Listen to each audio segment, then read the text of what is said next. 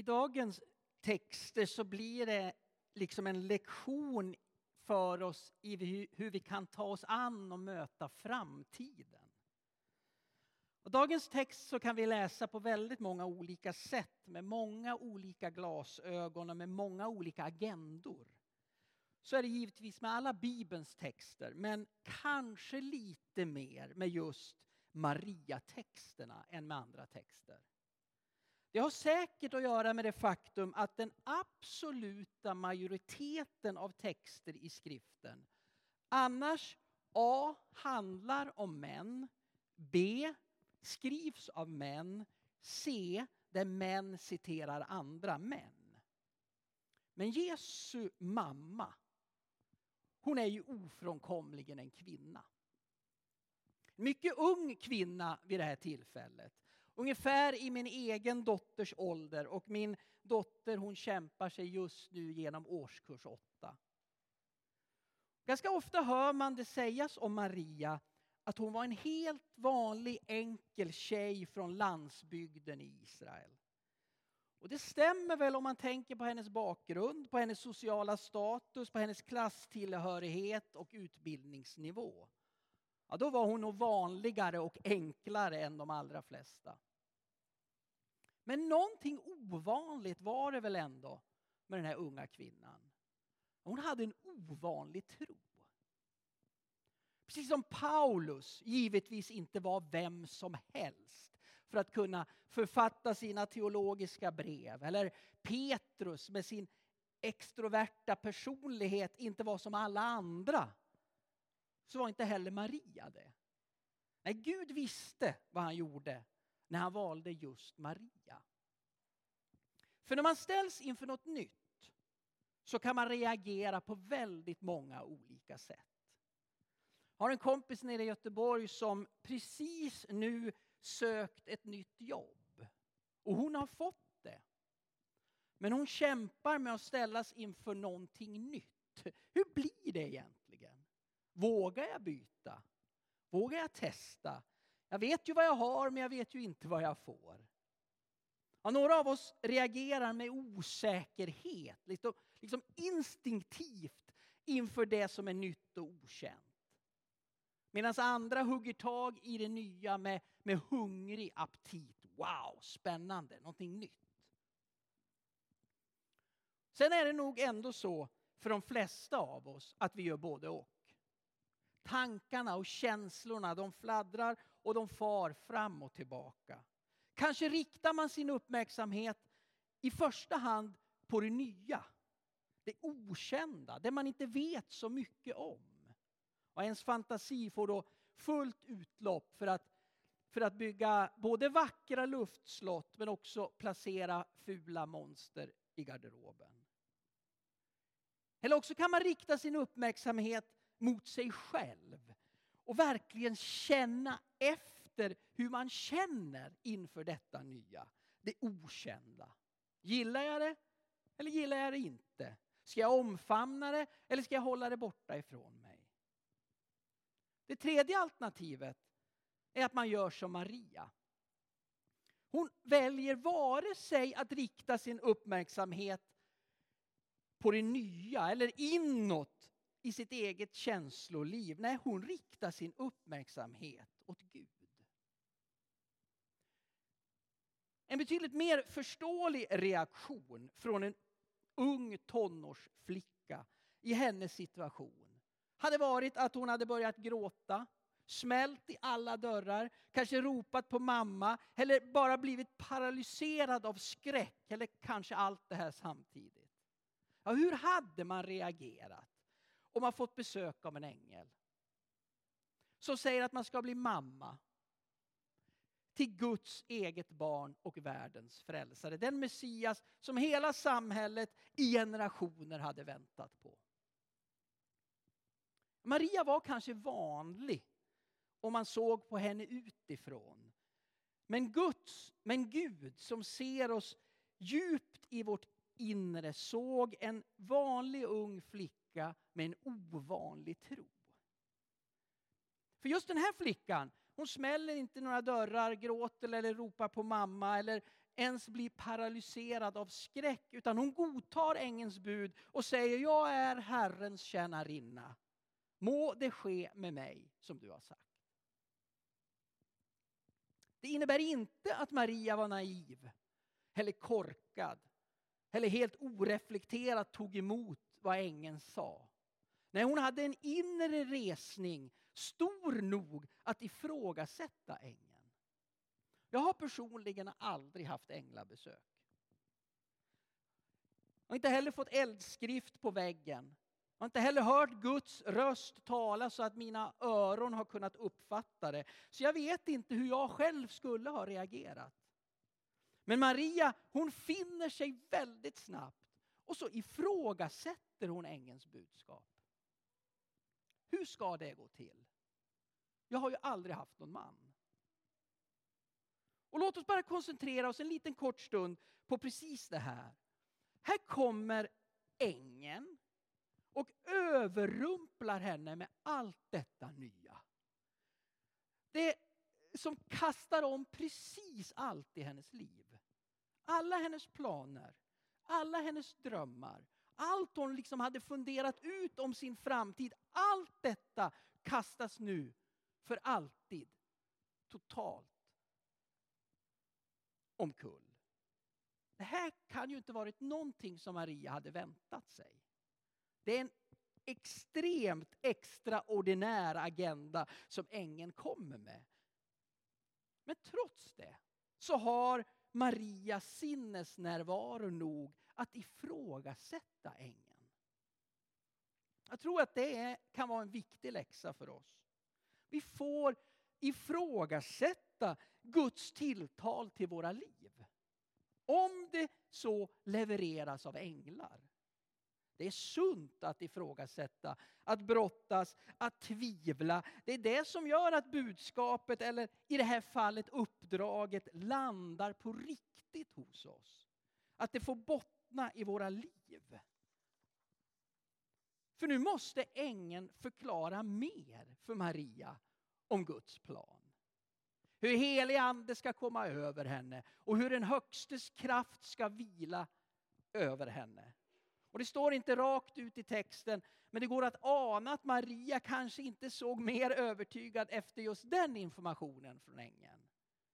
Helig ande ska komma över dig och den heliges kraft ska vila över dig. Nej, men då blir ängeln mer praktisk och berättar för Maria att hennes släkting Elisabet också är gravid. Trots att Elisabet egentligen är för gammal för att få barn. För ingenting är omöjligt för Gud, säger ängeln.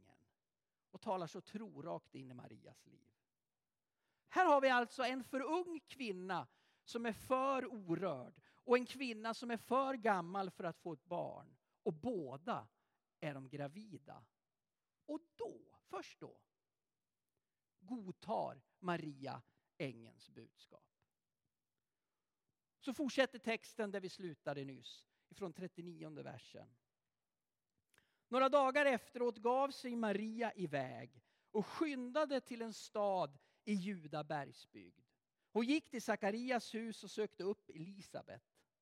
När Elisabet hörde Marias hälsning sparkade barnet till i henne och hon fylldes av helig ande. Hon ropade med hög röst, välsignade du mer än andra kvinnor och välsignat det barn du bär inom dig. Hur kan det hända mig att min herres mor kommer till mig? När mina öron hörde din hälsning sparkade barnet till i mig av fröjd. Salig hon som trodde, till det som Herren har låtit säga henne ska gå i uppfyllelse. Jag brukar ofta återkomma till just den här berättelsen i Bibeln. Hur den unga Maria får spendera värdefull tid tillsammans med sin äldre släkting Elisabet. Vi får lära oss att, Maria stannar i tre månader innan hon återvänder hem igen. Och vi får lära oss att det barn som Elisabet bar i sin livmoder sparkar till och det är egentligen den enda detalj som Lukas ger oss om detta tre månader långa besök. Så allt annat återstår att gissa. Men jag tror inte att vi kan överskatta vad de här månaderna i Elisabets närhet betydde för Maria. Man kan också anta att det blir månader som blir viktiga även för Elisabet. För jag tror på det här växelspelet, det här med flera generationer. Jag tror på att olika generationer kan lära av varandra. Och här finns så vi i vår församling. Ett antal människor i alla åldrar. Den här veckan har vi haft både begravningssamtal igen och vi har planerat barndop igen. Så här finns med alla våra olika behov och erfarenheter och livssituationer. Någon är precis i början av sin livsvandring med större delen av livet framför sig. Det kom in såna, några sådana i barnvagn här precis innan gudstjänsten. Och andra av oss är på upploppet. Och tillsammans skapar vi en gemenskap. Tillsammans utgör vi än Guds församling. För i denna gemenskap som vi kallar församlingen så har vi så mycket att lära av varann. Vi kan ju som jag sa bara spekulera i vad tre månaders besöket hos Elisabet kom att betyda för Maria. Men vi kan definitivt konstatera att det är i Elisabets närvaro så Maria ber, sjunger det vi brukar kalla för magnifikat eller på svenska Marias lovsång. Och nu tänkte jag att vi skulle be den tillsammans. Och det är alltså fortsättningen i Lukas från den 46, 46 versen framåt. Och där det står ett L så betyder det pastor och där det står ett F så betyder det församling. Min själ prisar Herrens storhet. Min ande jublar över Gud, min frälsare. Han har vänt sig.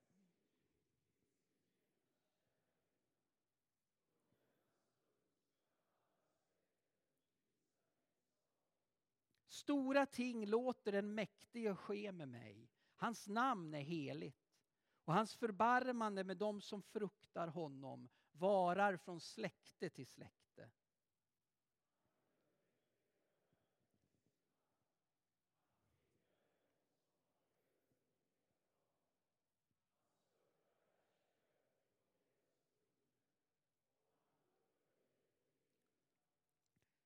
Hungriga mättar han med sina gåvor och rika visar han tomhänta från sig.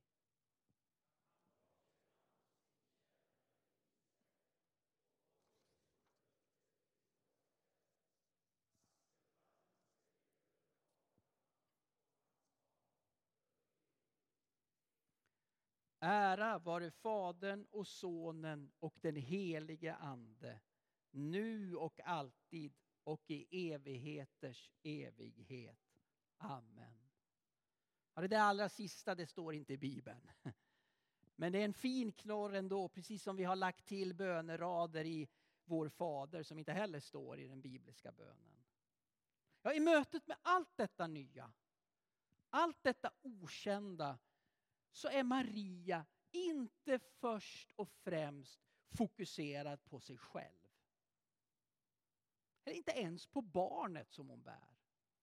Hennes fokus är Gud. Och här tror jag att det finns en lärdom att dra. Visst nämner Maria sig själv i den här bönen och säger att alla släkten ska prisa henne salig. Men hon säger inte för att hon suktar efter att bli en upphöjd Guds moder utan som Guds ringa tjänarinna. Hennes fokus är på Gud. Och den Gud som gör mäktiga verk med sin arm, som skingrar dem som har övermodiga planer, som mättar hungriga med sina gåvor och som håller sitt löfte om att förbarma sig över Abrahams barn. Maria vill inte i första hand lyfta fram sig själv. Den här lovsången, Marias lovsång, den är personlig. Men den upphöjer inte Maria utan hennes Gud. Och därför kan man säga att Marias lovsång i hög grad blir hennes personliga trosbekännelse. Ni vet att våra böner och våra tacksägelser, de vi ber, på det sättet vi tackar säger många gånger så mycket mer om vår gudstro än våra genomtänkta kredon eller teologiska system. Så som vi ber, så tror vi också. Och den här unga tonårstjejen, hon blir en förebild. En förebild i mod, i trohet, i kärlek. Och hur vi 2022 kan möta det som är okänt och nytt för oss. Ja, för livet det ger oss ju ständigt nya utmaningar. Ibland är det utmaningar som vi välkomnar och ibland är det utmaningar som inte är så välkomna. Men Maria lär oss att Gud är med oss även i allt detta nya, oavsett vad det kan vara. Och kanske kan inte vi ta emot det nya lika helhjärtat som Maria gör. Kanske ska vi inte ens göra det. Men att rikta fokus mot Guds storhet och godhet istället för på farorna och på möjligheterna med det nya. Det ger perspektiv. Och så avslutas det första kapitlet i Lukas med orden Maria stannade hos henne omkring tre månader och återvände sen hem. Och nu var det dags för Maria att åka hem igen. Hon hade en frälsare att föda. Och för oss som församling är det nu dags att på allvar rikta blicken mot julen. Amen. Och så sjunger vi tillsammans 344 alla Guds löften och efter det sjunger vi 114 stilla natt.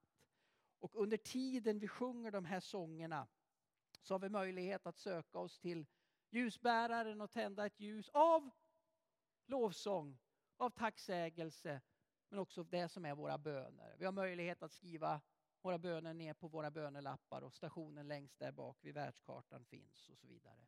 Och så tar vi en stund när nu vi är inför Guds ansikte. Varsågod att spela tillsammans med oss Erik.